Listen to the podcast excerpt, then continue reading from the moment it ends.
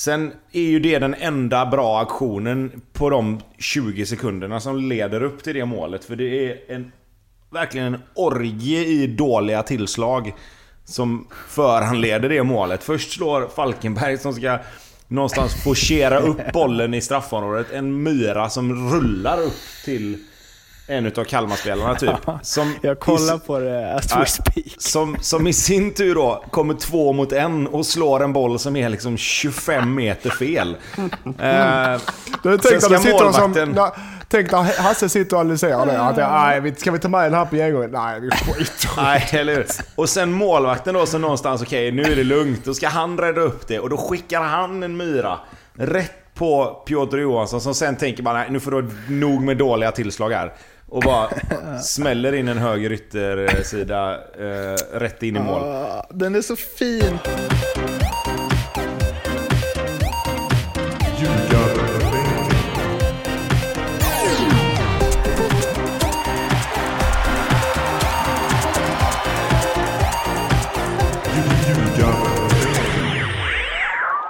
Det här är Ljugarbänken, NordicBets podcast om den allsvenska fotbollen. Det är avsnitt 171 och eh, jag firar det med att ha lite sämre ljud än eh, övriga panelmedlemmar eh, den här, det här avsnittet. Jag hoppas att ni har överseende med det och ska man vara helt ärlig så spelar det väl inte så stor roll för det är ju mest du Lindström som snackar ändå. Ah.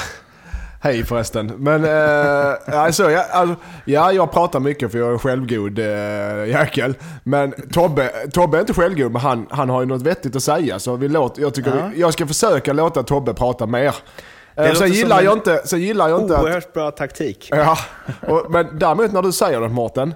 Så ja. slår jag och Tobbe ner den ganska snabbt. Men i det här, nu, nu fick du lite vatten på kvarnen när du med Malmös... Eh, ja, vi kommer dit. Vi kommer ja, dit. Såklart, såklart. det ska bara handla om... Vi ska lyssna på vad jag sa om Malmö i förra avsnittet. Och så ska vi bara prata om det. Nej, inte riktigt. Eh, Tobbe, allt ja. bra? Jajamän. Bara fint. Jajamän. Vi kanske ska börja med din rapport eh, för en gångs skull. Men eh, Kungsbacka, har ni följt upp med fler eh, storsegrar? Nej, eh, vi har inte spelat någon mer match i, i A-laget. Vi hade historisk första B-lagsmatch någonsin igår. Mm. Alltså ons... Nej, vad blir det för dag igår? Eh, måndag. måndag. Mm. Eh, mot Särö, så det var Kungsbacka derby. Det blir ju lätt så i B-lagsserierna. Men, eh, men de var bättre. De var, kom med ett väldigt, väldigt ungt lag. Och eh, vann med 3-0 Särö. Så att det var eh, ingen jättematch från våran sida. Lite slarvigt och lite hafsigt. Eh, men många spelare som inte hade spelat ihop. Och det syntes att deras killar var, var ett ungt gäng som säkert har spelat ihop ganska mycket genom juniorålder och sådär. Så att det var inte mycket att snacka om. De vann fullt rättvist med, med 3-0. Så att vi får kriga vidare. Nästa A-lagsmatch är på fredag mot Galtabäck. Så då... Åh, oh, Galtabäck! Det är mina grabbar för fan! Ja, jag vet. Jag vet. Får se hur mycket de, fusk, får se hur mycket de fuskar, och, fuskar och plockar ner en massa division 1-spelare. Ja, det är, så här, Galtabäck ska, bör vinna den serien. De är bra. De har... Alltså, jag tippar 5-6 division 2-spelars klass i det laget. Ja. Vi får se. Jag har spelat det. Jag har spelat det till och med. Till och med jag har matcher för Galtabäck. Ja. Du vet vad som gäller Tobbe. Då får ja, du ta i lite extra. Ja, ja, nej det blir inga problem. Det blir en bra match. Eh, både vi och de är ju tippade att hamna, hamna högt upp. Så det blir nog en, eh, det blir en jättebra match för oss. Spelarna i du lirar inte, du lirar inte B-lag va? Jag var med och spelade sista 20. Okay. Det var, vi, vi, vi försöker att ha en av två tränare på plats varje gång det är B-laget, har vi sagt. Mm. Och i och med att jag hade svårt att hinna till träningen som var igår så tog jag matchen istället då. Så då mm. spelar jag sista 20. Uh, Lindström, Eskilsminne? Uh, ett lika. Uh, hemma mot mm. Trollhättan. Ja, det är ett steg framåt, definitivt. Ja, det, är, det är de små stegen ju. Ja, alltså, men så är det. Ja, men jag, som jag varit inne på innan, poängen kommer komma för oss. Jag är inte orolig och det skulle varit en tre poäng redan i, i söndags. Mot Trollhättan tycker vi var det bättre och förtjänade vinsten. Det, var inte, det behöver man inte vara tränare för att se, utan det, även den neutrala hade sett det. Så vi har en nu vann vi inte, men vi tog en pinne och vi är på rätt väg. Eh, eh, vi har lite svårt att förvalta chanserna.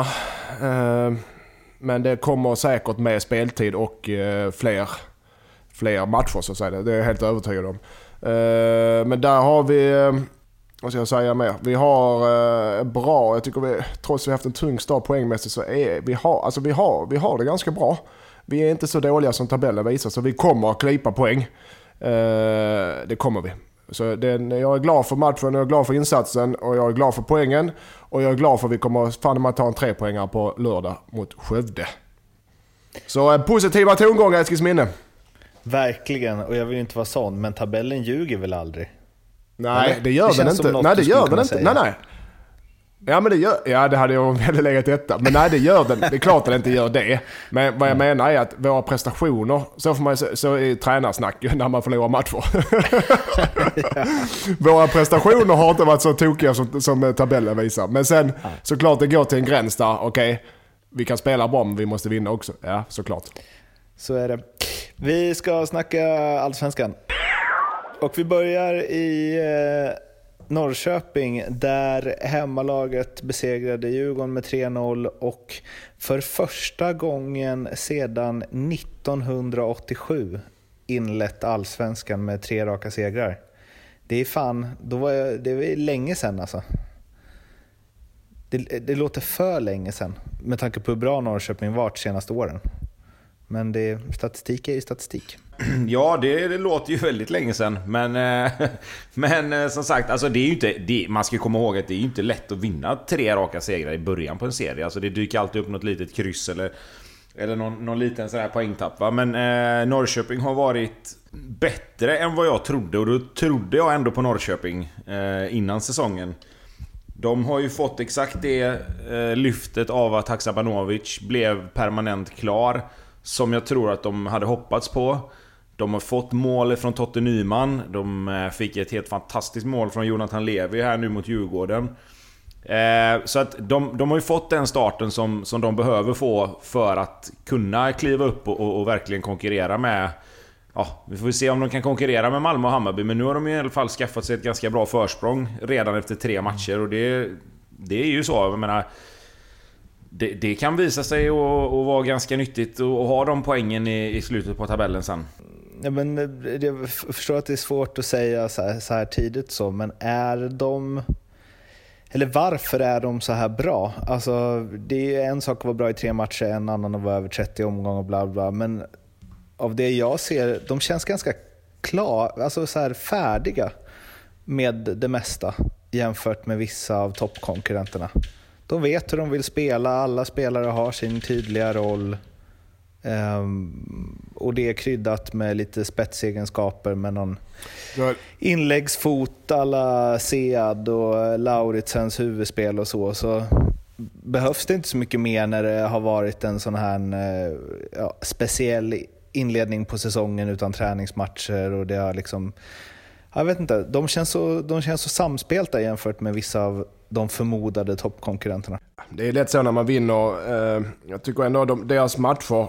Ja, Norrköping leder allsvenskan eh, ytterst rättvist ska jag säga, men de har också fått mycket att klaffa i matcherna. Det, det är en del mål på fast situationer och liknande där man ser att okej, okay, här, den här intränade varianten den sitter. Motståndarna kommer att läsa. Du har, men sen har du spelare som verkligen, jag håller med dig Mårten, att de är, är samspelta. Och de har spelare som verkligen toppar form. Då, alltså en sån som eh, Smith, att han kom in, det var i sista, säger jag också, men han spelade, det var i sista kugen för Jens. Okej, pang, där, rakt in i startelvan, nu vet vi, nu är vi färdiga. Den känslan fick de både med Sead och med Smith, att okej, spelarna runt om, okej, nu är vi kompletta. Sen vi, jag har fortfarande sett frågetecken för, för bredden, men det är en annan, en annan historia när det väl börjar bli dags. Och Simon, när han är frisk och glad som han är nu, så är han ju bra ju. Eh, och Nyman, inte... Nyman om han håller sig skadefri. Levi har en skadehistorik så där måste de nog börja matcha lite försiktigare kanske efter ett tag. Jag vet inte. Än så länge går det ju bra. Han har ju baksidor och liknande som är lite, och ljumskar som är slitna på honom. Så att, guld och gröna skogar, definitivt. Men, men, men eh, jag tror att Jens börjar nu tänka lite. Okej, nu har vi fått nio poäng. Uh, nu kanske vi kan börja rotera lite, skulle jag tro. Mm. Sen har du Laurits, förlåt, så har du Laurisson som är världens bästa spelare. Det är nya Daniel, det är Danielsson 2020. Ja men det är det ju. Det är Danielsson 2020. Ja, verkligen.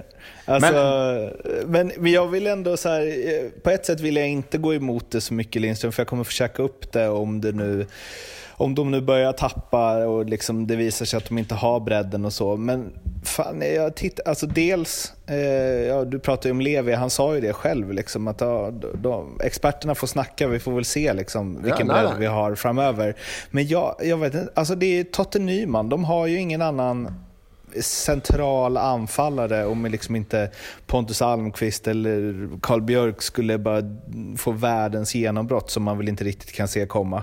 Men annars tycker jag de har en eh, jättebredd. Alltså. Eller så här, eh, alltså inte sämre än sina eh, toppkonkurrenter. Alltså de har många, många spelare på mittfältet som de kan slänga in. Många spelare på yttre, Fransson spelar ju inte ens, så det är ju liksom en på gränsen till landslagsspelare om han är i sitt bästa slag. Eh, och de har liksom täckning på alla försvarspositioner. Det, är inte, jag, jag vet inte, det, finns, det, känns inte som... Om Totte går sönder så är det tungt. Men annars så känns det som att det finns ersättare på alla platser, i alla fall för några matcher. Men så är det väl egentligen. Men alltså så är det väl egentligen för de flesta lagen. Det är väl egentligen bara Malmö och Hammarby som, som kan stoltsera med, med liksom att de inte är direkt... Eh, vad ska man säga? Att de inte är direkt beroende av en viss position, att en viss position får gå sönder.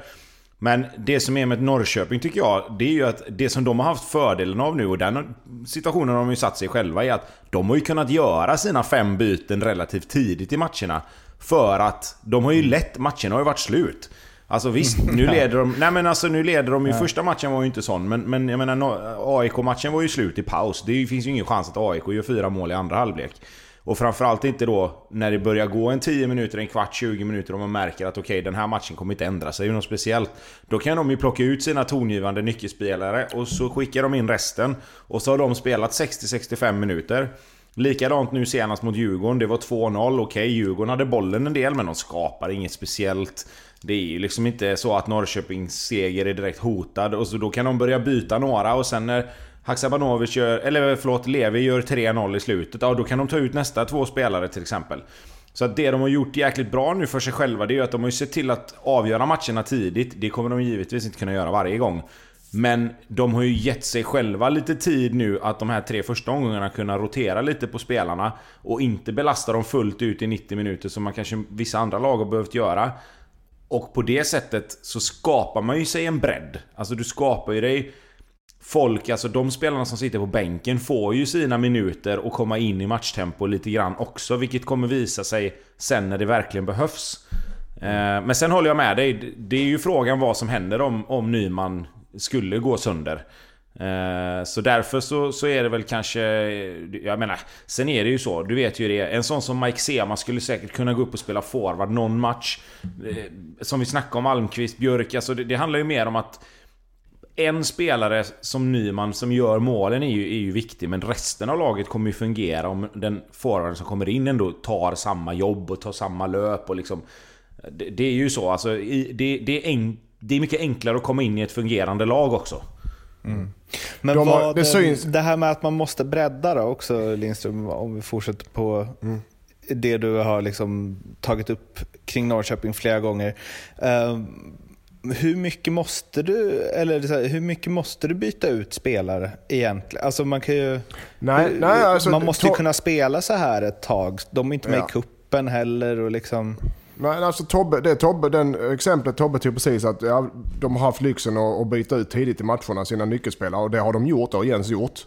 Den är ju såklart föredrar hundra gånger framför att rotera i matcher i startelvan. Och det, det har de gjort och det har de kunnat göra och det har de är perfekt. Alltså det, är, det är ingen annan lag som har kunnat, kunnat göra det. Så att där ligger de i framkanten. Eh, men det är de spelarna som är bärande, för jag säger det igen, de är skadebenägna. Levi, Nyman, Tarn, det är skadebenägna spelare. Så att, så att eh, jag tror, och plus, alltså är det något lag jag vill ska vinna allsvenskan, förutom HIF, så är det för fan eh, IFK Norrköping som är realistiskt. Så eh, tar man inte fel nu. Men jag tror att allting har klaffat för Norrköping. Jag tror det kommer börja hacka lite snart. Det vore konstigt annars för allting har klaffat i alla matcher. Lite som Djurgården förra året. Att Klaff, klaff, klaff. Okej, okay. försvaret klaffar, anfallet klaffar, fasta klaffar. Motståndarna är i perfekt situation att möta motståndarna för de saknar spelare och de får inte igång sitt spel. Och du vet, det bara klaffar allting. Och det är när det gör det som lag, när man är det flowet som lag och tränar, det är det bästa som finns. Men förr eller senare börjar det hacka och det är då jag är orolig att Norrköping inte kommer att orka lyfta sig på samma sätt. Det här är ju superlätt att säga med facit i hand förstås, men de är nog ganska glada att de fick både AIK och Djurgården så här tidigt. Fast, fast det där är också lite grann att, att, att, att välja vilken sanning man ska titta på. För att det var samma snack förra året när, när Blåvitt gjorde bra matcher mot AIK, Helsingborg och Elfsborg. Då var det helt plötsligt alla andra lag som var så jäkla dåliga. Alltså, det kan inte alltid vara motståndarna som är dåliga. Nej. Det kan ju faktiskt vara så att Norrköping gör motståndarna dåliga. Eh, ja, för, för, det där är, för det där är så jäkla tråkigt. Det, det, vet man ju själv när man spelar. Och så gör man en kanonmatch. Och så kommer, och så kommer eh, media efteråt och så bara ja, Ni hade tur som fick möta, ja vi säger nu då Djurgården på en sån här dag. Ja, eller så hade Djurgården otur att de fick möta Norrköping precis nu. Eller ja. AIK hade otur att de fick möta Norrköping precis nu. Men, det konstiga, jag har sett alla de tre matcherna. Det konstiga är ju att de för det är många som de har imponerat så mycket och de har fått, liksom, Norrköpings spelare har fått svinhöga betyg i framförallt Sportbladet.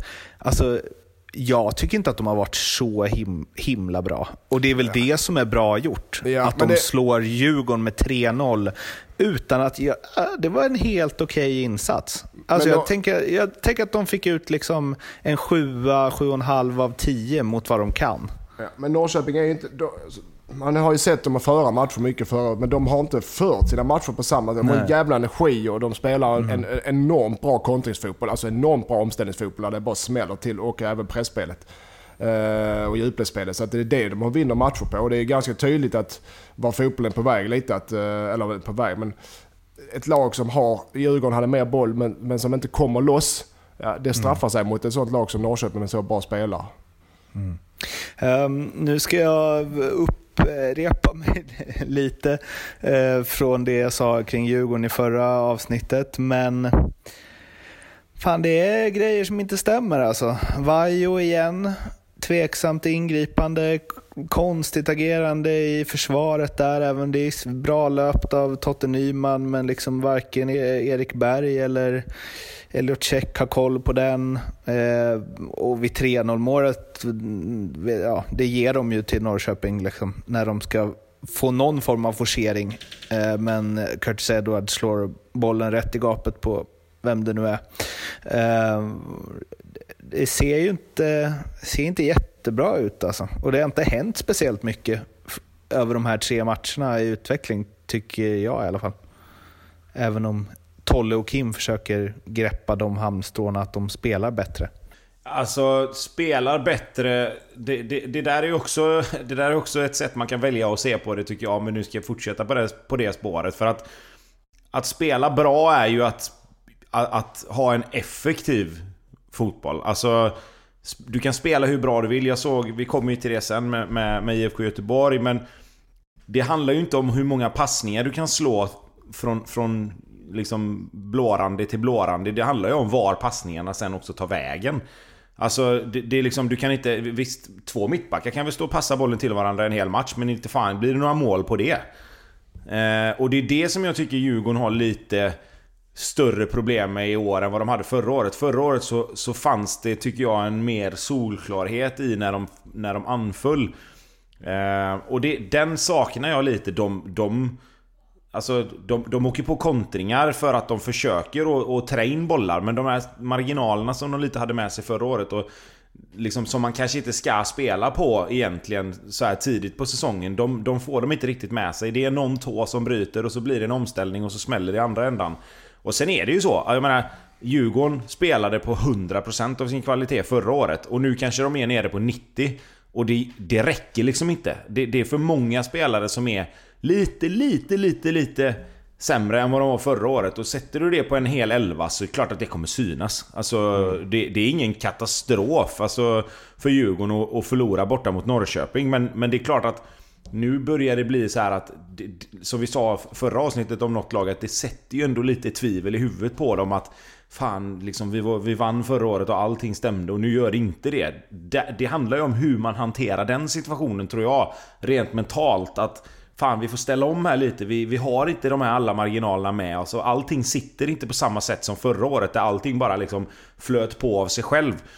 Eh, utan för mig handlar det mer om att bara okej, okay, back to basics. Vi fortsätter att tro på idén för vi, vi liksom... Vi har ett bra bollinnehav och vi har skickliga spelare men vi måste skruva. Precis som Norling fick göra så måste man skruva lite på, på vissa saker. Eh. En väldigt viktig match nästa, om man ser kommande tre. De har ju Kalmar hemma, Malmö borta, HF hemma. Alltså Kalmar har ju varit bra. Och det jag skulle säga att den matchen kan sätta lite ton för om de skulle liksom få en pinne eller noll pinnar där och sen åka till Malmö. Eh, alltså för någonstans är det ju mm. så här, om man ser att de är, ja, men de är regerande mästare, alla räknar med att de ska vara med i toppen, de själva gör ju definitivt det. Mm.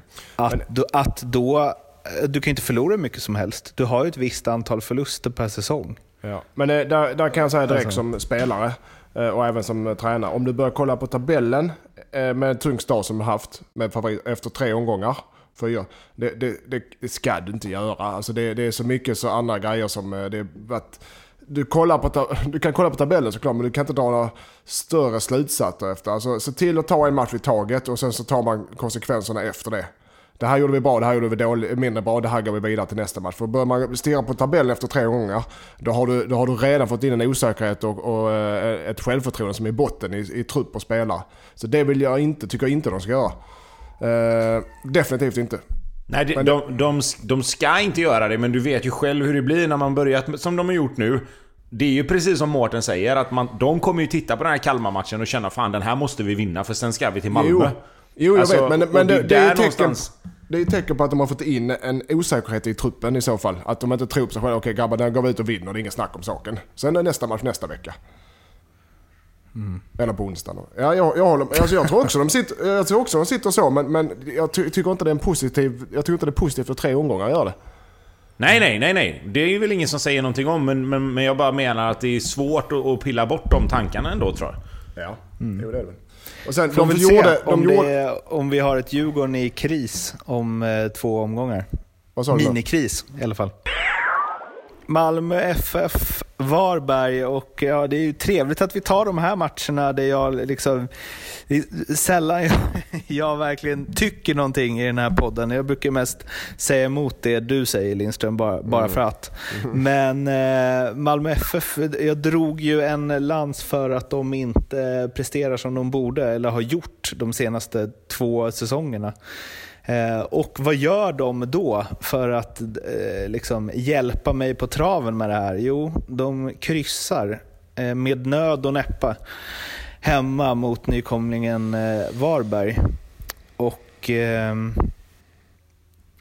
alltså, ja, de fick Christiansen utvisad och hej och hå. Men ett Varberg som hade, hade de nio nya i startelvan? Ja. Det är ju Ja, det ska eh, sägas Otroligt ja, dåligt innan, av Malmö. Innan jag går in på din... Jag kan börja här innan jag går in. Alltså det laget, Varbergs Boys och Jocke Persson då som är ansvarig ställer. Med nio rotationer på nykomlingar. De här spelarna kan jag mycket väl. Alltså för det, eftersom de är från eh, Varberg, de flesta. Det här är spelare som eh, för något år sedan. Och då, jag, ska säga, jag har haft spelare själv. Alexander Johansson gjorde målet. Hade jag i två år och var jätteduktig i division 1. Kronvall är spelare jag försökte få till två åker från division 3-klubben eh, Varbergs Boys, eller Varbergs GIF. Alltså, det är på den. Samuel Monday var ju tränare med oss i Vinstrand med Eskil, men, han, vi försökte få honom men det var inte aktuellt.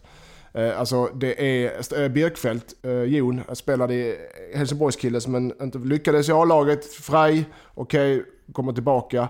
Alltså han är Strömberg, Eh, superettamålvakt som har gått runt lite. Han är grymt duktig på detta, Jocke Jag kan inte säga det nu, han är grymt duktig, eh, ledarteamet, på att hitta de här spelarna och förvalta dem. Och de här spelarna, jag menar den, den budgeten på de spelarna vi pratar nu, den är inte, det, det kan sätta på en spelare Malmö FF. Så att det är, det, jag, ja men det är på riktigt alltså. Jag, och det, jag är så jäkla imponerad. Du går ut, nu hade de, eh, Malmö är bättre lag, alltså det är inget som Malmö är bättre men är man mindre. Eh, men det blir två lika i matchen och det självförtroendet och den energin och den mm, ska vi säga, glöden som de här spelarna visar. Division 3, division 1-spelare. Alltså det är, jag, jag lyfter på hatten för jag tycker det är jättekul att se. Sen pajar Christiansen matchen med sin utvisning, inget snack om saken. Och det, är såna, ja, det är onödigt och det händer. Det är så att det, det, är onödigt av honom och det är dumt av honom, men det händer i fotboll. Så det är inte, det är inte hela världen så, men jag, alltså, jag vill inte trycka ner Malmö för mycket faktiskt. Jag vill däremot välja att höja Varberg mer istället. För att svara på din fråga Mårten. Tobbe? Eh, ja, nej men jag, jag håller väl med er båda två egentligen. Eh, I just den här matchen så så borde Malmö ändå ha vunnit. Eh, de har ju... De har ju matchen även med en man kort. Sen är ju Varberg ruskigt starka i sina omställningar. De har ju några... Även innan målet som, som nästan eh, resulterar i mål även där. Jag menar... Alexander Johansson har ju ett halvt friläge från kanten där Johan Dahlin gör en jättefin benparad.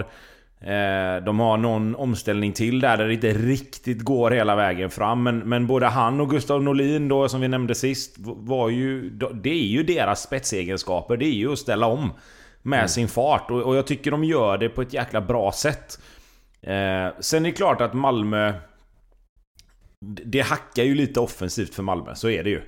Eh, det, det, är ju ett... Alltså även om det är ett vapen så är det ett underbetyg att man gör mål på ett långt inkast tycker jag. För att de måste kunna spela sig till eh, mål mot ett Varberg som, som roterar så mycket. Sen all eloge till Varbergs spelare. Det, det, är liksom, det blir ju som en kuppmatch egentligen mitt i sommaren. Att du kommer med typ ett eh, division 1 superettanlag och ska möta Malmö, stora mäktiga Malmö FF borta och det blir årets match för de här killarna. Eh, så att det, är klart att, det är klart att det blir en, en speciell inramning. Däremot så, så, får jag ju hålla med dig lite grann mer Mårten denna veckan då. Den här matchen trodde jag ju att Malmö skulle städa undan. Eh, det kändes som att Varberg fick sig en liten, liten törn i självförtroendet efter matchen mot Blåvitt. Malmö gör en helt okej okay match mot Häcken men får sig en liten smäll. Jag trodde de bara skulle studsa tillbaka men det, det gjorde de inte riktigt. Så att... Eh, och en man mindre eller inte, de hade bollen och, och, och spelet så pass mycket att de borde ha kunnat göra det här bättre ändå tycker jag. Och nu är det, alltså det är absolut inte så här bara, jag fick rätt nu för att det gick så här i den här matchen. Men det var, men det var typ det här jag menar. Att det känns som att Malmö gör, gör sådana här matcher. Alltså, och har gjort det de senaste åren. Att de liksom... Mm, var, att de bara strular till det. Liksom. Det är någon onödig utvisning och det är liksom... Jag vet inte, jag, jag kanske har fel, men min känsla ja, men är... Du, Just nu har du rätt. Just nu är det bara att trycka jo. på det. Jo men alltså, jag har ändå känt det. Det var, det, det var den, det jag baserade på sist. Att det känns som att man har suttit där och bara, hur fan kan Malmö inte vinna den här matchen? Hur kan de liksom bara kryssa hemma mot Falkenberg, eller vad det nu är? Det, ja, du kanske har rätt där Mårten. Ja, alltså, den här poängtappen kan ju svida för Malmö i eh, slutändan. När man summerar. Men, men eh, Ja, det, jag, jag trodde också jag trodde de skulle köra, när jag såg Varberg startelva så tänkte jag det här blir kross alltså. Men, men eh, jag är glad att jag hade fel. Hur länge kan Varberg hålla på så här då? Är det, är det på riktigt eller är det liksom nykomlingens eh, entusiasm? Alltså mot HF var de bättre, det var inget snack om saken. De var bättre. var, när de Varberg, Varberg ställde sin bästa elva med Selmani, Friis och eh, bäst, så är de bättre än, var de bättre än HF i första matchen, utan tvivel. Uh, och sedan eh, i andra matchen, eh, nej första matchen mot, förlåt, mot Göte, andra matchen mot Göteborgs var det väl eh, jämnt, var det inte det Tobbe? I chansmässigt, eller hur? Jo, jo, jo, mm, absolut. Mm, ja. det, kunde, och, och, det kunde egentligen gått hur som helst. Blåvitt var ju bättre i andra halvlek och hade lite mer boll. Och Varberg blev väldigt låga, men de ställde ju om sylvast även i den matchen. Så att det, Alltså oavgjort i den matchen hade inte varit orättvist. Sen, sen var det inte orättvist att Blåvitt vann heller tycker inte jag. Så det, var, nej, det, kunde, det, det kunde gått hur som helst där. Ja. Och eh, i, det, det Jocke valde då att göra, för att de, de Varberg satsar ju allt på, eller satsar, de, deras mål håller sig kvar och det är väl realistiskt. Alltså, allt ovanför direkt nedflyttning är risk, ruskigt bra med den truppen och det laget. Och den.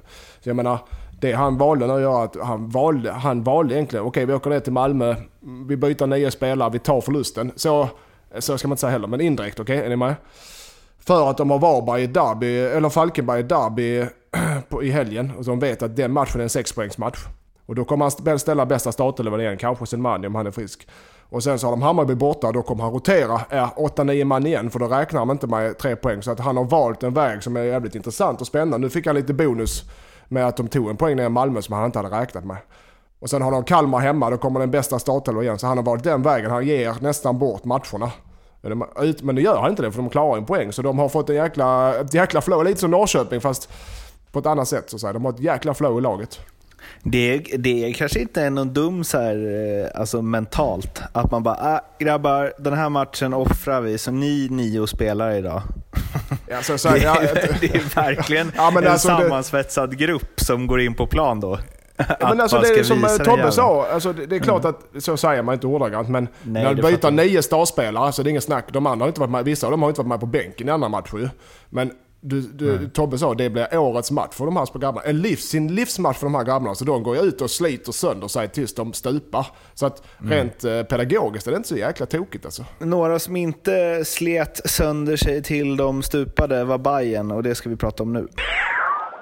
Inför Hammarby AIK-derbyt så kände jag, och jag tror många med mig, att eh, en, på förhand en av de mest ojämna Stockholmsderbyna på länge AIK totalt överkörda av eh, Norrköping och det var virrigt och det såg ut som att eh, ja, det här med skickliga individuella spelare, spela man-man mot dem, där är AIK inte, de är inte redo för det. Och då ska de alltså ställas mot Hammarby som förmodligen är bäst i serien på det.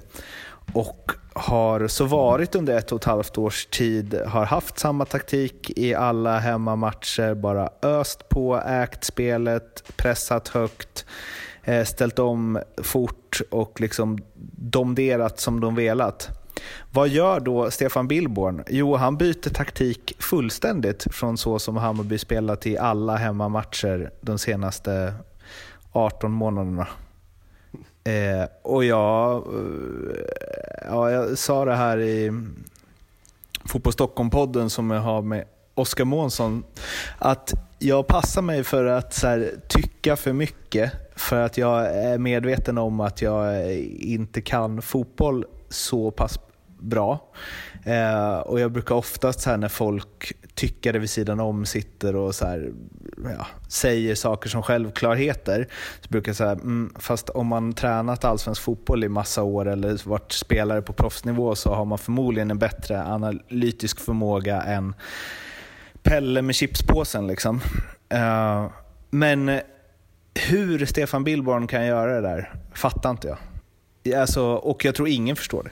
Man kan, man kan säga så här det som hände i den här matchen var ju att dels Hammarby var extremt bleka. Om det berodde på taktikändringen eller om det berodde på att AIK faktiskt gjorde en alltså snudd på perfekt match i sin... Alltså fullt till sin matchplan. Det, det, det blir ju säkert en kombination av båda. Det som jag lite grann undrar, det, givetvis så som du säger, varför ändrar man taktik? Alltså det kan ju vara att man har sett att Okej, okay, så som vi har spelat innan det har, det har funkat ganska bra Men AIK spelar på ett sätt som ingen annan gör Så vi måste ändra lite grann För att annars så blir det så att Man, man tittar ju ändå på vad gör motståndarna? Okej okay, Det som vi gör, är det rätt medicin mot så som AIK gör? Nej, inte riktigt kanske, utan vi får ändra lite grann.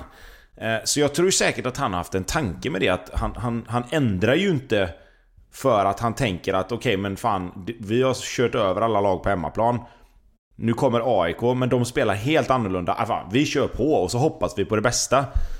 Utan... Men då, då måste jag säga, vad var det... Eh, Alltså, för om, man är, om det är så man tittar på det så här, hur AIK spelar och eh, ja, det kanske inte riktigt passar. Alltså det han borde kommit fram till om han såg hur AIK spelade mot Norrköping är ju att det passar oss helt perfekt jag, jag att tror spela. Han, jag tror han tänkte så här. Ja, det hade jag tänkt. Det var ett, för det första var det ett misstag och det har han väl själv sagt. Och eh, indirekt. Ja, han erkände ju det och det får man ge honom. Han la sig ju helt gör, platt. Ja, och det gör man. Man har en matchplan. Uh, oftast har Hammarbys matchplan varit åt okay, hög press, uh, vinner bollen, får energi på det sättet. Vinna boll högt upp, spela därifrån. Det, det, deras matchplan var annorlunda. Man gör fel ibland, men det som jag tror han tänkte, utan att veta, är att när AIK i deras uppspelsfas så trycker de upp Tihi som spelar högerback i trebackslinjen här och Mets trycker upp dem som sat, alltså långt upp och trycker upp resten av spelarna. Så trillar eh, eh, eh, Larsson och, och Fori ner på sidan om Per Karlsson så spelar de på den trean. Och har egentligen vad jag tycker alldeles för dålig, jag tycker de har alldeles för dålig balans. Alldeles, alldeles för dålig balans i uppspelen. När de tappar boll. Och det är det jag kan, för då har de, då är de omställda, då har de, alltså det är gata. Så då tänker väl att då tänkte väl eh, Billborn att okej, okay, jag väntar, vinner boll, straffar dem på det där. Eh, eftersom de har inte balans i sina utspel. För de har tryckt upp alldeles för mycket folk och har folk på fel positioner. Så kan jag tro att han tänkte, men det funkade inte alls.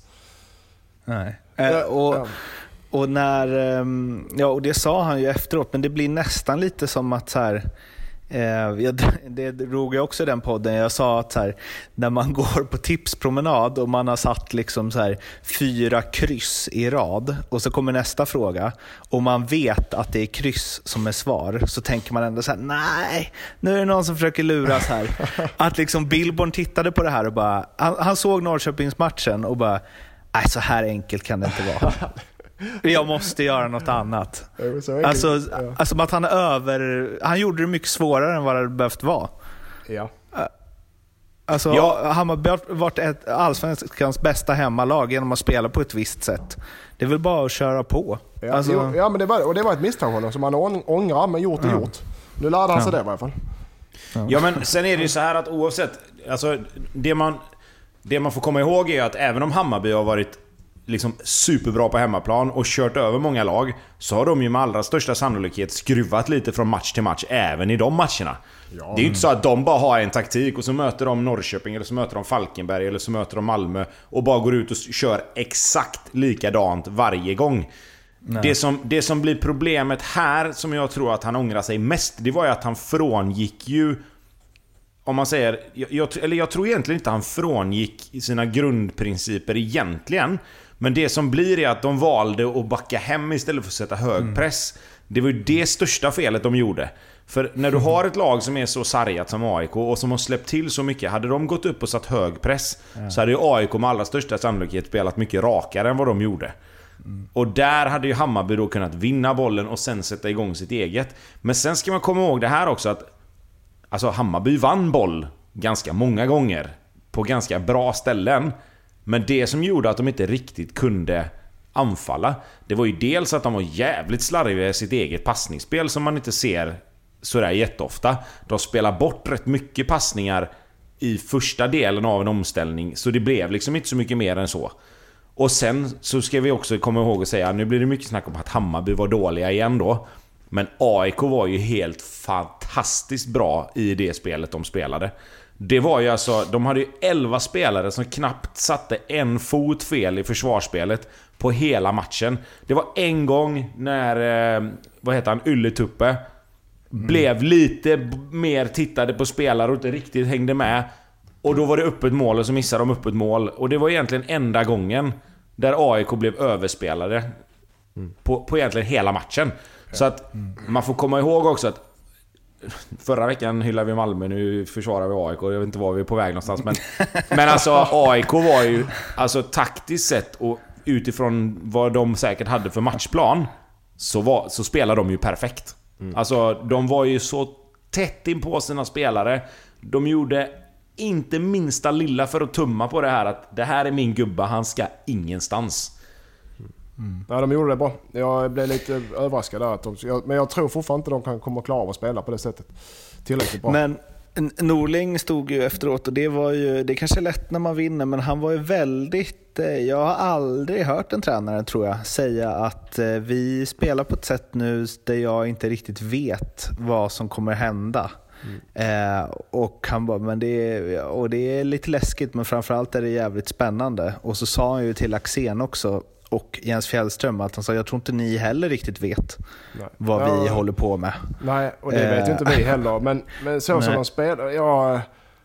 Men att en tränare utåt, vilket jag, jag tror fan han var ärlig i det, säger så här, jag vet inte riktigt vad det är vi gör nu. Det här är ett experiment. Det kan gå lite, det kan bli 0-4 mm. hemma mot Norrköping, men det kan också bli det här. Mm. Alltså, det är ju en total förändring från det liksom, som han beskrev det shape-spel som de har spelat i fyra års tid. Mm. Ja, det alltså, ställer höga, enormt höga, höga krav på spelarna. Uh, mm. Och det är väl det han är ute efter lite. Att vi, vi har en mapp och vi har riktlinjer att följa men det är så mycket eget ansvar så vi vet inte riktigt hur matcherna... Det är svårt att förutspå, förutspå hur det kommer att se ut exakt för att det blir så mycket eget ansvar på individualisterna. På det sättet man spelar. Jag vet, det är väl det han kanske menar för att uh, annars så blir det ju att jag vet inte vad vi gör utan lycka till. Lite, lite så vill man inte, för, alltså vill man inte föreställa som tränare heller. Men jag såg, jag såg den här intervjun och jag, tycker, jag gillar ju Norling för han är som han är. Men eh, jag tror lite kanske det han var inne på, att det, det ställer så höga krav på de, individen så vi får väl se lite hur match till match ser ut. Um, och på tal om individer eh, då, uh, Per Karlsson, det fanns ingen ringrost där inte? För att han inte fått spela i inledningen. Nej, han, eh, det är en sån spelare som man tänker, klarar han det spelsystemet? Ja, det gjorde han, det kan jag säga. ja men det, det är väl så, de har ja. resonerat innan det kanske. Eh, lät lite seg och eh, lite orolig och så, men där han var bäst på planen.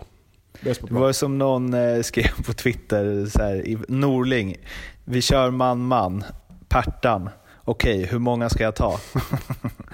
Eh, men han är ju alltså, som ensam mitt, alltså han kanske inte är den bästa med boll. Men eh, att vara själv alltså, så här, i mitten på det sättet, för det ser helt knasigt ut ibland när Mets och Tihi bara försvinner upp. Liksom. Mm. Eh, att, men där var han ju helt perfekt, Per Karlsson. Alltså, han, han, typ, han löser det all, han väljer typ alltid rätt alternativ. Det där hade jag velat... Tobbe, du måste ju mött honom massa gånger. Alltså så här, i massa, massa dueller. Ja, men alltså Per Karlsson är ju, är ju en... Alltså dels har han ju rutinen som, som hjälper honom mycket. Om man ska säga att han inte är riktigt van att spela på det här sättet. Han får ju lite grann...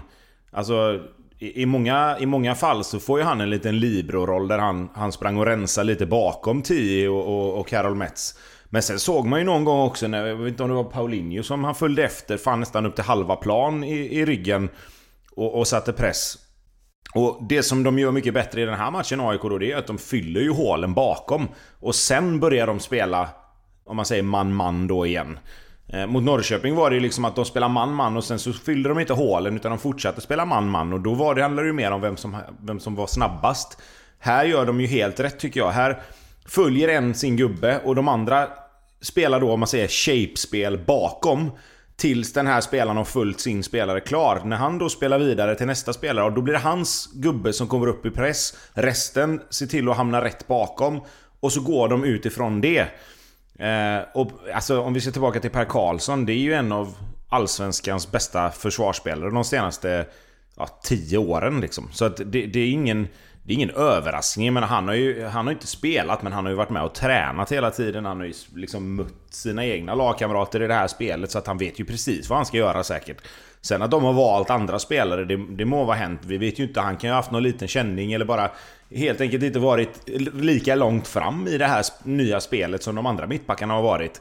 Eftersom han då är en av dem som verkligen, verkligen har alltså varit superb i det här andra spelet. Eh, så kanske det bara tar lite längre tid för honom att ställa om huvudet. Alltså det är ju det där med att lära gamla hundar sitta. Det tar väl kanske lite längre tid för honom att, att, att hamna rätt i det här spelet eftersom hans ryggmärgsspel är ju någonting helt annat. Mm. Sista grejen om eh, den här matchen och om AIK. Eh, vi pratade om Robin Tihi efter premiären, 18 år. Och även Paulus Abraham Eh, 17 och Tom Strannegård 18 spelade ju det här derbyt. Eh, och eh, man ska ju passa sig för att peka ut eh, eller staka ut karriärer för tidigt. Men det är ju nog, eh, det ser exceptionellt talangfullt ut hos de här. det är inte, jag vet inte när det senast ett Stockholmsderby vanns med tre 18-åringar, eller två 18-åringar och en 17-åring som spelar hela matchen. Nej, det är, jag håller med. Det är, eh, kul att se dem och det är kul för en sån stor klubb som AIK med den pressen de har på sig att våga och Norling då våga släppa fram de här grabbarna. Det är, det, det är där de ska ha cred. Uh, utbildat dem och ha koll på dem och våga spela dem. För det, att spela AIK, det är inte, det är inte alla 17-18-åringar som klarar att göra det. Tror ni att det blir lättare för dem att gå in och spela sitt spel för att de spelar eh, inför tomma läktare, vilket de ju är vana vid från reserv och unglag, ungdomsspel. Ja, men det här har vi varit inne på förut och jag tycker, eller tycker, jag tror absolut att det är en fördel för de unga spelarna. Det, det är inget att snacka om, framförallt i sådana stora klubbar som har mycket publik. Eh, det är klart att det är klart att det är, är en väsentlig skillnad att komma in på, på Tele2 till ett derby eh, med tomma läktare efter en match som mot Norrköping senast. För det hade blivit, det hade blivit liv eh, och det, det, tror jag absolut. Sen tror jag också att det är ett ganska tacksamt år att vara ung spelare i just AIK kanske. Jag tror säkert att deras supportrar och deras fans har samma krav och förväntningar på laget som, som alltid finns. Men det finns ändå någon liten... Alltså, de har ändå valt en lite annan väg i år och lite grann trycka på att det här är ett nytt spelsätt och vi får ge det lite tid.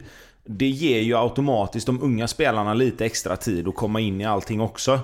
Så att det är ju helt rätt på så sätt att testa de här unga spelarna nu. För jag tror att det finns en liten, kanske inte superstor, men jag tror att det finns en liten extra dos tolerans och tålamod i, i, ibland AIK-anhängare. När man väljer ett nytt sätt och dessutom sen då skickar in unga spelare.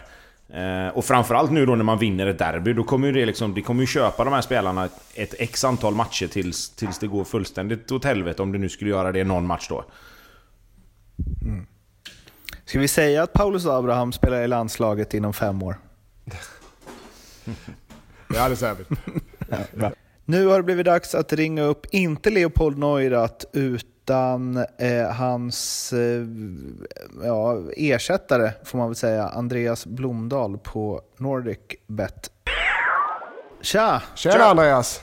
Tjena! Är det bra? Det är bra, hur är det med Jo då, vi, eh, vi, sitter, vi har interna stridigheter som vanligt och sedan så har vi lite dåligt samvete för vi, förra avsnittet så att vi hyllade Malmö. Det där avsnittet så vi hyllar AIK så jag och Tobbe mår ju, mår ju dåligt. Och så sågar vi våra egna lag. Det är tuffa tider. Ja det är tuffa tider. Man får försöka vara, vi är tyckare inte experter har vi kommit fram till. Ja. Får se om du har något att glädja grabbarna med då. De har ju tagit fram specialspel. Ja, ser fram emot här Tobbe 1 och Lindström 1. Bara kör igång här. Vad vill ni ha till, till veckan? Vi har ju både kuppen och en allsvensk omgång som börjar på lördag tror jag va? Ja. Jag kan börja som, jag kör allsvenskan rakt igenom. Jag trivs bäst där. Kuppen är lite för svår just nu. Eh, Öst, I en trippel. Eh, Östersund-Norrköping. Så som det ser ut, eh, även om det blir lite jämnare match, så tror jag Norrköping vinner den. Fortsätter att mala på. Häcken, eh, HIF, Häcken att vinna utan att släppa in ett mål. Eh, häcken behöver en vinst efter tre kryss och HIF behöver också en vinst men jag har väldigt svårt att se att de kommer göra mål tyvärr. Eh, och AIK och Malmö FF, jag tror Malmö vinner den eh, eftersom de är bättre. I alldeles, alldeles för högt odds på Malmö tycker jag också för den delen. Så jag hade spelat den även. De är en trippel. Ja, intressant. Jag har räknat här lite och ryktet gör gällande att du skulle ha tio gånger pengarna annars fick det vara. Så jag har faktiskt fixat det. Ja. Ja men då så. Ja men då... Eh... Det, det, kör lite good. Jag är lite good cup nu när ja, vi är borta här i bad cup. Så vi får jämna. Det gör du rätt Du plockar pluspoäng direkt. Men alltså en tia där, en tia åt sig jämnt och fint och lite somrigt så. Så den kör vi på. Ja, kanon. Mm. Tobbe? Ja, eh, jag har ju då gått på kuppen eftersom det i kronologisk ordning kommer först. Eh, och då har jag att Häcken går vidare och båda lagen gör mål. Ja. Och Malmö att vinna och hålla nollan. Det är mycket Häcken och det är mycket Malmö nu.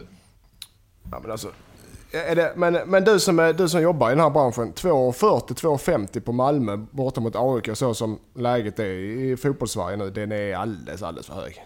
Ja, det känns väl lite gamla meritodds på den va? Uh, ja, skitsamma. Ja. Men eh, om vi säger bara ta Tobbes i hamn här. Så fixar vi den till, till sju gånger tänker jag. Mm -hmm. Låter det bra? Eller det var inte... Det var inte nah, det, det lät lite snålt alltså. Malmö ska ändå hålla nollan. Ja, men vem ska göra mål för AIK då? Ja, det får väl Hussein eller vad heter det? Larsson eller Abraham eller Abraham, Strandegård. som har gjort målen innan. Ja. Ja, eller någon annan 17-åring liksom. Ja. Ja. 750, 750 är sista budet.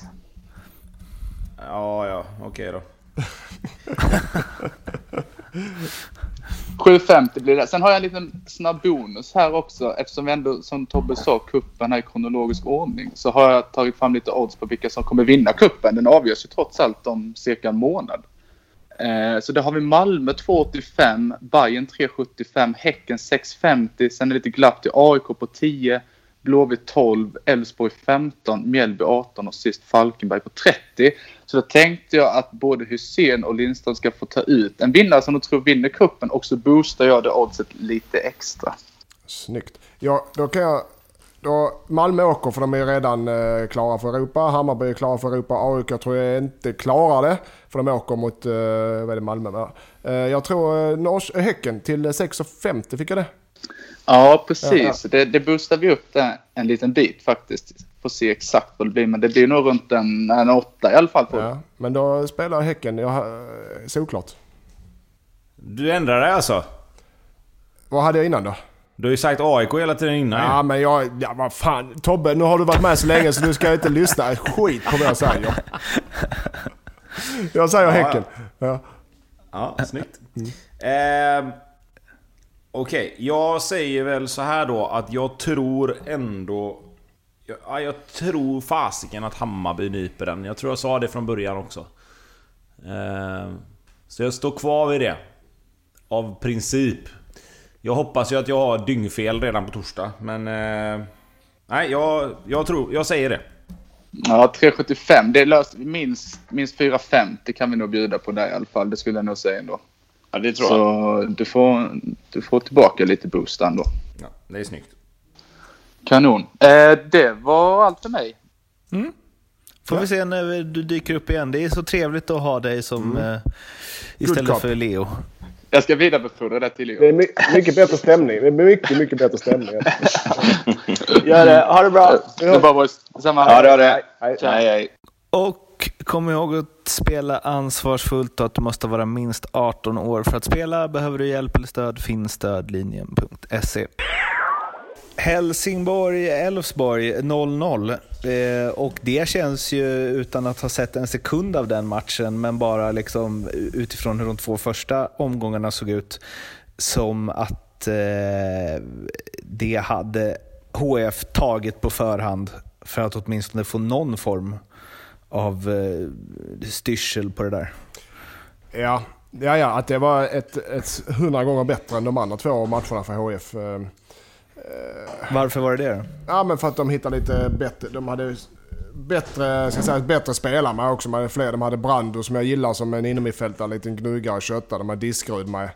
Eh, van den Hurk var med. Eh, du fick med Martin Olsson var med och Adam Eriksson. Och så att Lindegard i mål. Så de har en helt annan stabilitet. Det var Gran ändå borta ska sägas. Men eh, Carl Widell går in och gör det utmärkt som, eh, som eh, mittback där. Eh, men det ska sägas alltså, de får en helt annan stabilitet. Och de, eller förlåt, Kasper Widell. Nu rör jag ihop mig med Carl Thulin, min egen spelare.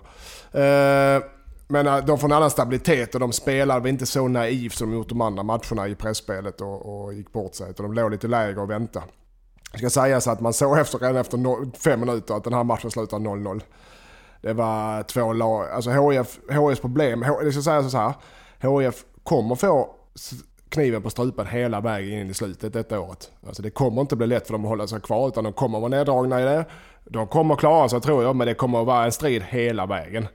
Det är jag nästan säker på. Eftersom jag har sett de här tre matcherna. Men och Elfsborgs fall, som vi har haft uppe innan. För HS, just nu HS akilleshäl är att de inte skapar några chanser. De skapar inga chanser alls alltså. I någon av sina matcher. Nu var det steg framåt defensivt och arbetsmässigt och inställningsmässigt och eh, strukturmässigt. Men fortfarande offensivt så är det ingenting. Ingenting alls. Eh, I Elfsborgs fall så eh, märks att de är bättre lag, lite tyngre lag. Men jag tycker att Elfsborg det är lite så här... ah, ah jag vet inte fan alltså. Nu är det analysen på hög nivå, det hör ni va? Men alltså, men det, alltså ja, Elfsborg kommer hamna, de kommer hamna mitt. Vi var uppe och höjde dem lite så, men nej, det är inte tillräckligt bra alltså. Uh, inte, det är inte tillräckligt bra för uh, topp 5 i Allsvenskan. Ska vi, ska vi skapa en eh, ljugarbankenpodcast.se eh, slash analys Ja. där vi kan ha Lindström om Elfsborg. Ja, nej, men ah, det- det vete fan. Ja men alltså du vet vi var inne på den förra avsnittet. Ja det är inte så jäkla tokigt men nej. Det är inte topp 5 i Allsvenskan. Problemet är att de spelar, de har okej spelare och de spelar, har fina mönster och de försöker hitta pocketytan framför, det vill säga framför HFs backlinje hela tiden. Men problemet är att de, de, de tappar för mycket boll. De har för dålig kvalitet i passen, de har för dålig kvalitet i mottagningarna. De har för dålig aktivitet runt bollhållaren som får boll där inne felvänd. Och de, de får inget flow i sitt spel. Alltså de får inget flow framåt. Det blir för omständigt i sitt spel.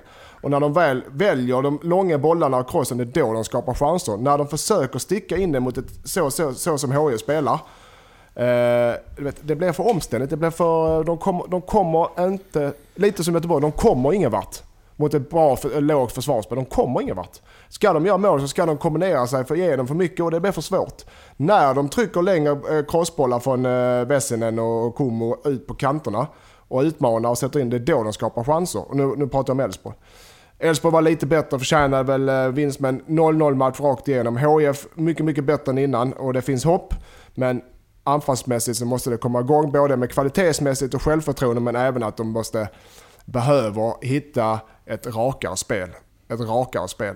Bollinnehav på motståndarens planer, ja, men ett rakare spel. Efter den här superba eh, monologanalysen eh, av båda lagen faktiskt i den här Ja, matchen. jag, jag så, klippte den eh, rakt av kände jag. Nej, men det var, det var, ja, det var fem plus analys Lindström. Tobbe, nu vill jag att du kontrar med Blåvitt Mjällby. Ja, okej. Ja, vi hoppar över till nästa match. Ehm, det var väl... Ehm, alltså Blåvitt fick ju en, en, en tung start. Ehm, det, det blir ju 1-0 till Mjällby redan efter 2-3 minuter där. Och det, det är klart att hade, hade Mattias Bjärsmyr spelat 10 matcher i Allsvenskan innan den här matchen så hade han kanske... I, i lite grann i timing eh, bara touchat bort den där bollen. Nu är det ett jävla fint inlägg eh, och en bra nick som gör att det blir 1-0 och de får ju den där jobbiga starten liksom som, som man inte vill ha. Eh, och Blåvitt har bollen och rullar och rullar och... Eh, jag nämnde det lite förut, jag såg Tobias Sana efter matchen nämnde någonting om att de vet inte hur mycket passningar vi slog mer än dem. Och det har ju egentligen ingen betydelse när passningarna bara går i sidled. Eh, man försöker att hitta ytor på kanterna, du, de, de rullar runt och de vänder spelet men det blir liksom, det blir mer handboll än, än något annat egentligen. Eh, sen, sen har ju Sana just då en jävla fin frispark i, i början på andra halvlek. Där målvakten gör en kanonräddning och får upp bollen i ribban men där Bjärsmyr då eh, kommer först på returen och nickar in den med ja, mer, mer med lite studs och, och sådär va. Men sen är det Är samma det sak. det, är det det perfekta Bjärsmålet? ja, det vet jag Det är inte. det men- enda men sättet det- han kan göra mål på. Så. Nej, han har gjort några, han har gjort några, han har gjort några fula mål genom åren. Men, men, eh, men det handlar om att Men vara på rätt ställe. Ja, Eh, ja han, har, han har säkert några till. Men, nej men alltså det handlar, om, det handlar om att göra, alltså att vara på rätt ställe. Och han var först på returen liksom och det var inget att snacka om. Eh, men sen så får de ju lite då, och då, och då blir det, då, då kommer vi till den andra mittbacken, Tollinsson då, 17 år. Vi har hyllat han mycket och sagt att han kan bli jävligt bra här. Här blir det en, en sån liten juniorgrej då, där han går upp och stöter alldeles för hårt. Eh, och David Löfqvist bara låter bollen vara, går iväg. Får bollen på, på ett väggspel, eller vad man ska kalla det, eh, i djupet. Sen är ju, sen är ju Bjärsa där och han styr honom utåt men sen så vräker han ju upp en vrist Alltså rätt upp i nättaket. Det är återigen liksom det... Vissa Löken. mål är liksom svåra att, försvara sig mot. Det här hade de ju kunnat stoppa kanske lite tidigare. Men samtidigt är det ju så att det är ganska mycket kvar att göra efter att Tollinsson lite grann går bort sig. Eh, och det är ju, det är ju så med, med många mål att man kan säga okej du kan alltid förhindra alla mål. Ja det kan du. Det är alltid något misstag någonstans som gör att, att chansen uppstår. Men här är det ju liksom... Det är, det, det är ganska mycket kvar att göra för Mjällby innan den här bollen ska i mål. Och det, det är liksom... Det är ett jävla fint avslut också. Eh, sen... Hela aktionen alltså. Klass Ja, nej men precis. Ja, ja, men eller hur. Alltså han släpper bollen, han går igen och det är liksom... Men där har du, där har du som vi sa då, det är ju liksom det- är, en, det är i iver, man är 17 år, du har inte varit i de här situationerna på den här nivån tillräckligt många gånger för att förstå att okej, så här kan jag inte göra. För då går jag bort mig. Jag lovar att det kommer hända igen. Och han kommer lära sig av detta och kanske inte liksom... Alltså det handlar ju någonstans om att okej, man får ta det för vad det är. Hade, det varit, hade Bjässa gjort samma sak så hade jag blivit lite besviken, för det tror jag inte att han hade gjort. Utan i hans fall handlar det mer om lite om timing och vart- är jag och vad, liksom Direkt i inledningen så kommer en sån här svår situation. Eh, Så, så det, det, är liksom, det, det är sånt som måste få hända eh, när vi snackar om en 17-åring och en spelare som liksom har gjort en eller två träningar den senaste månaden och, och liksom inte, inte spelat match på jag vet inte hur länge. Eh, Så de grejerna går att slipa bort. Det som är lite mer bekymmersamt då, det är ju att Blåvitt fortsätter att spela handboll tycker jag. Eh, det är, några, det är några instick eh, som inte riktigt går fram, men det skapas liksom inga chanser direkt. Och det, visst, det är någon, någon försöker ta något skott utifrån och det blir någon situation där det blir lite rörigt och sådär liksom. Men Bortsett från målet då som kommer efter ett av väldigt, väldigt få ändå inlägg eh, så, så är det inte så mycket mer chanser liksom. De får vara glada att de får med sig den här poängen och det kan betyda mycket för moralen och sådär liksom. Men Blåvitt måste hitta ett sätt att skapa mer målchanser mot de här låga försvaren för de kommer att behöva ställas mot det. För Blåvitt är skickliga ute på plan. De är skickliga på att hålla i bollen, de är skickliga på att passa runt den. Men det måste hända någonting mer sen. Alltså, vi, vi var inne på det lite grann när, vi, när, vi själva, när jag själv spelade eh, för några år sedan. Att vi var jävligt skickliga på, på att hitta in i sista tredjedelen. Men därifrån sen så blev det inte så mycket mer. Och då var vi inne på att Fan, vi måste få in bollen i straffområdet mycket oftare. Du måste... Även om du har Robin Söder och, och Tobias Sana eller Sargon Abraham eller vem det nu än är som spelar. Så, så måste bollen in i straffområdet. För där inne sen så kan det skapa situationer. Det, visst, många kanske bara nickas undan. Men du skapar ändå en lite... Du skapar lite rörelse i motståndarnas backlinje. Att den är liksom inte på plats hela, hela tiden då. Och om du pumpar in två, tre, fyra inlägg och till slut så kommer någon... Till slut kommer ett misstag eller så är det någon spelare som har hamnat på fel ställe. Som gör att ett hål uppstår och det kan man sen utnyttja. Att bara rulla, rulla, rulla, rulla från sida till sida och tro att Mjällby då som liksom ligger i sitt 4-4-1-1 eller vad de gjorde. Eller 3-5-2 eller det blir ju nästan sexbackslinje vissa gånger. Att de bara ska kunna flytta med så och tro att de inte ska orka göra det, det går liksom inte. Ehm, fan, ni jag skulle säga att det är två extremt bra insatser nu. Det var, det var det här jag ville få till med att säga att min mick inte var så bra. Bara sitta här helt tyst. Eh, det enda jag vill addera är ju, eh, igen, men ni vet ju att jag gillar eh, Löken Lövqvist. Alltså, vilka, hans inlägg också. Det är ju liksom fem plus. Går inte att slå ett bättre inlägg.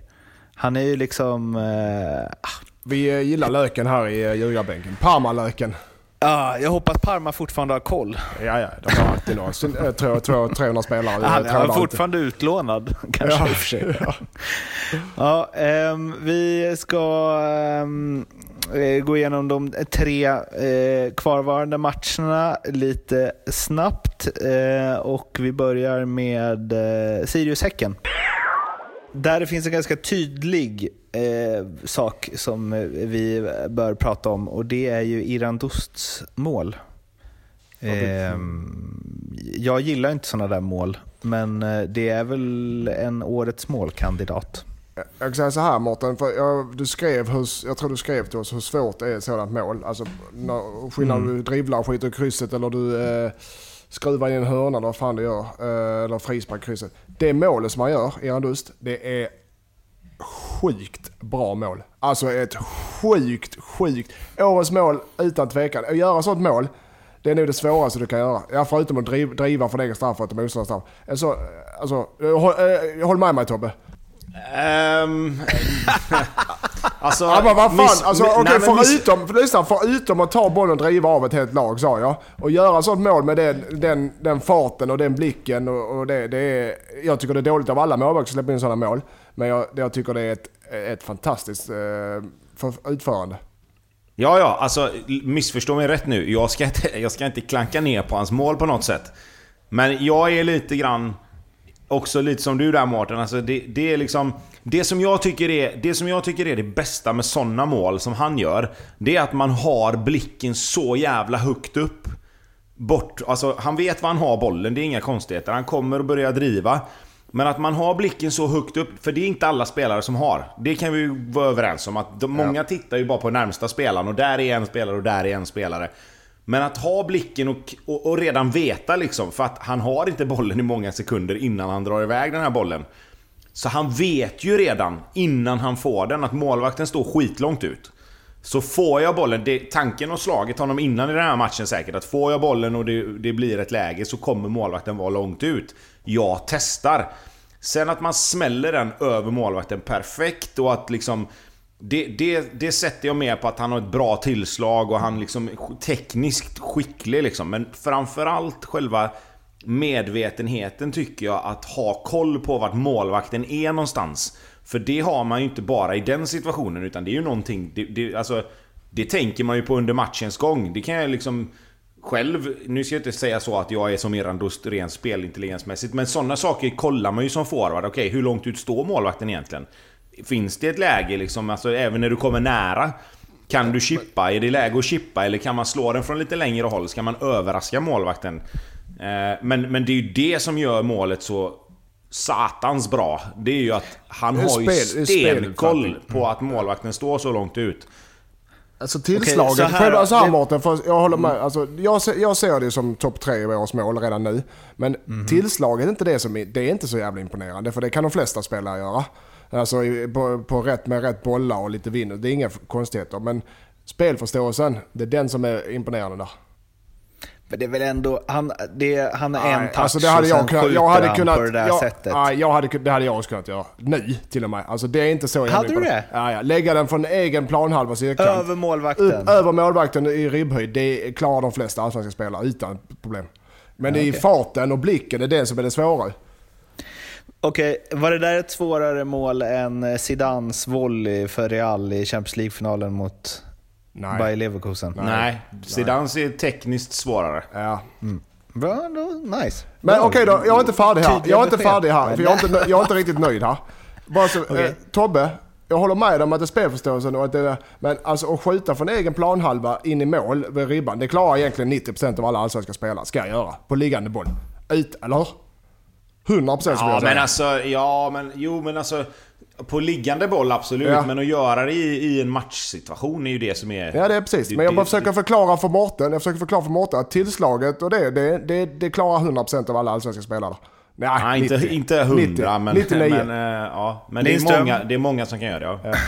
Lindström, nästa gång vi har t- tillgång till en ledig elvamannaplan Ja, och vi är på det har samma vi alltid ställe, Skåne. Då kommer jag filma när du gör det på första försöket. Ja, det Så kan du vet. göra. Ja, ge mig tre försök.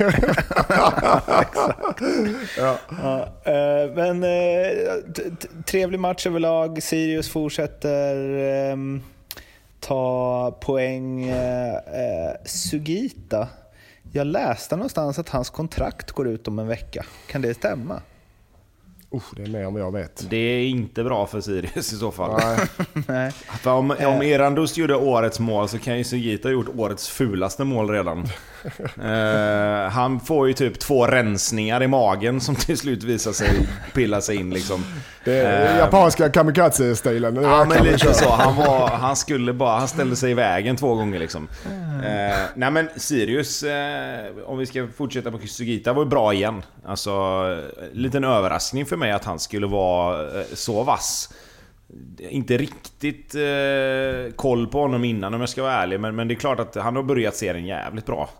Eh, samma med Stefano Vecchia igen då, också bra inblandad i mycket. Men återigen, det är skillnad på det här liksom, om man ska säga då. Han gör en jättebra match och han öppnar upp spelet på må- många sätt med sina, med sina aktioner. Men han står ju på noll mål och noll assist liksom. Och det, Jag vet att jag har tjatat om det, men det stör mig att en så bra spelare inte lyckas skrapa ihop poäng. Alltså, även om han kan dribbla tre man, ge den till en spelare som sen i sin tur sätter assisten eller vad man ska säga. Men för mig blir det ändå, du vet när man tittar på det sen så är det ändå... Det, fan det gnager i mig lite att han inte får det att lossna just på det sättet heller.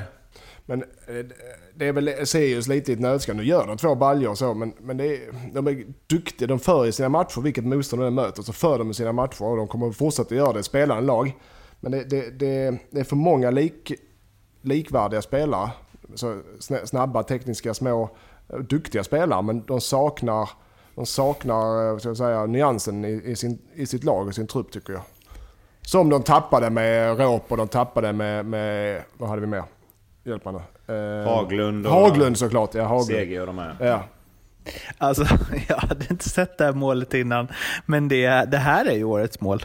Det är ju inget snack. Din, Sugitas. Eh, alltså, eh, Sugitas, ja. Alltså, det, Peter Abrahamsson eh, gav ju du bara 3 plus inför säsongen Lindström. Och här, ja, nu bevisar jag att jag hade rätt där. Här är det ju ja. en, alltså det är en riktigt god insats. Han har, gör han typ fyra fel inom liksom två sekunder.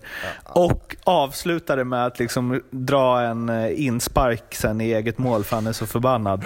Men det är fantastiskt på många ställen att så här, Rasmus Lindgren liggande kickar den i magen på honom när han är på väg att ta den. Och så. Ja, underbart. Men, men summa summarum då, ett rättvist resultat för det var en jämn match och mm. kanske Och två kandidater till årets mål. Ja, exakt. Mm. Uh, och Häcken, häcken uh, ja. Tre, ja, de behöver vinst nu. ja. Ja, men, så här kan de inte fortsätta. Man kan inte kryssa sig kvar i Allsvenskan. Eller ja, det kanske man kan. Klar, på 30 poäng klarar man sig. uh, Örebro-Östersund, på tal om kryss. Uh, ja. Fan, jag trodde mer om Örebro. Ja, men Örebro... Ja, och vi vet, vi får väl se lite. Men jag håller fortfarande, vi har dem där eh, runt eh, vad de brukar, där de brukar komma mellan 8 och neråt. 8, 9, 10, 11 där någonstans. Va? Men det, det var en enormt tråkig match, det sa de ju själva. Jag tror det var Besaras var ute och sa, hoppas ni, det var det tråkigaste matchen jag har spelat. Uh, uh, vad ska jag säga? Östersund går ner på fembackslinjen och spelar en 5-3-2-variant och, och stänger matchen ganska effektivt. Har lite farliga omställningar, Örebro kommer ingen vart. Eh, Östersund äter sig in i matchen och har mer och mer bollinnehav. Så att sett över 90 minuter så är det en ganska jämn, händelserik, tråkig match. Två och välorganiserade lag som saknar, saknar killer i den matchen. Så att det var en tråkig, men jag tror Östersund är nöjda med, den, med det sättet de genomförde matchen. Och Örebro är missnöjda med det sättet de genomförde matchen. Och eh, om Besara tyckte att den var så tråkig att spela så ska inte vi eh, tjata för mycket om den utan de får helt enkelt spela roligare om de vill ha mer tid i ljugarbänken. Falkenberg-Kalmar. Kalmar spelar ju rätt trevligt och eh, fortsätter få utdelning. Det var väl ingen superplan dock. Det var eh, rätt regntung va? Eh, men eh, de löste det där och Piotr Johansson gjorde ju en, ja, ett oerhört enkelt mål, för det där kan ju alla allsvenska spelare. ja, jag ska säga så här och här får, ni, här får ju Lindström säga emot då kanske. Men ja, alltså själva tillslaget är ju svårare ja, mycket, för ja, Piotr Johansson än vad det var för Erandus tycker jag. För här, ja. här snackar vi om här snackar vi om en höger yttersida på halvvolley från 40 meter liksom. Alltså det, det, det är bra gjort.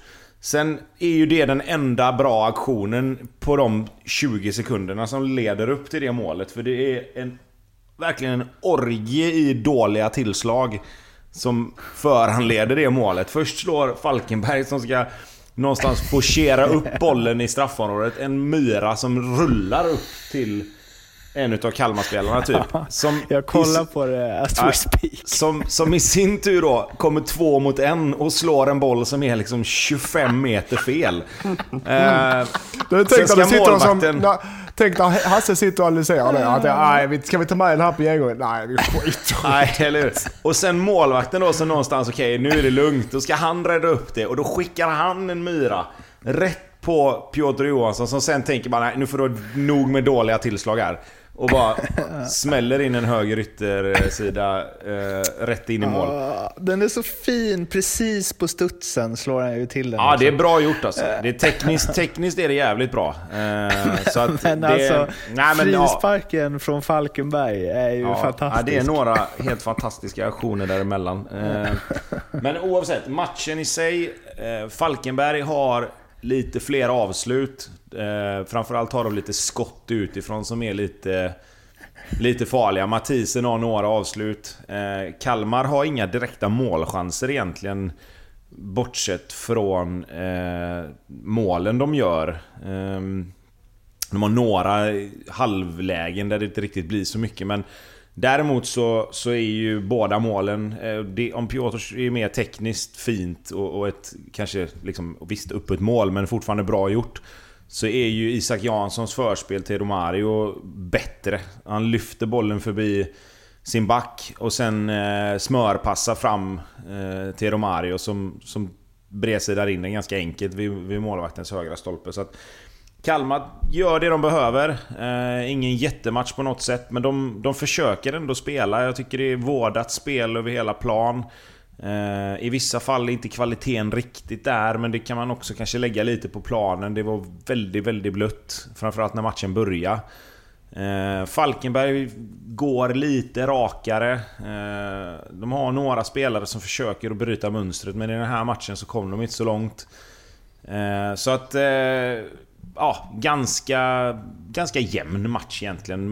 Men med skillnaden då att Kalmar har lite mer kvalitet i, i de avgörande lägena. Som, som gör att de, som, att, alltså, att de vinner matchen till slut. Det där var allt för eh, den här veckans ljugarbänken. Det, ska ju, det vankas ju kuppspel och det ska snart eh, spelas allsvensk omgång igen. Det är ju mycket, mycket fotboll nu hela tiden. Eh, innan eh, vi säger hej då så kan ni få tippa utgången i kuppkvartarna om ni vill. Den som känner sig manad får börja. Ja, jag kan börja då. Eh, jag tror att Häcken, Hammarby, tyvärr, Malmö och Mjällby går vidare. Ja, men det är samma som mig. Hammarby vinner mot Göteborg, Häcken vinner mot Elfsborg. ja. Malmö vinner mot AIK och Mjällby vinner mot Falkenberg. Skittråkigt. men, ja. Experterna har sagt sitt. Det är fyra hemmavinster tyckarna, rakt upp och ner. tyckarna. Ja. Tyckarna. Tyckarna, som tyckarna. Ja, det är viktigt. Det är viktigt. Yes, vi hörs igen inom kort. Vi finns på Instagram, Twitter och Facebook tills dess. Glöm inte att prenumerera på podden, då blir vi jätteglada. Må gott, hej då. Hej då. Hej hej!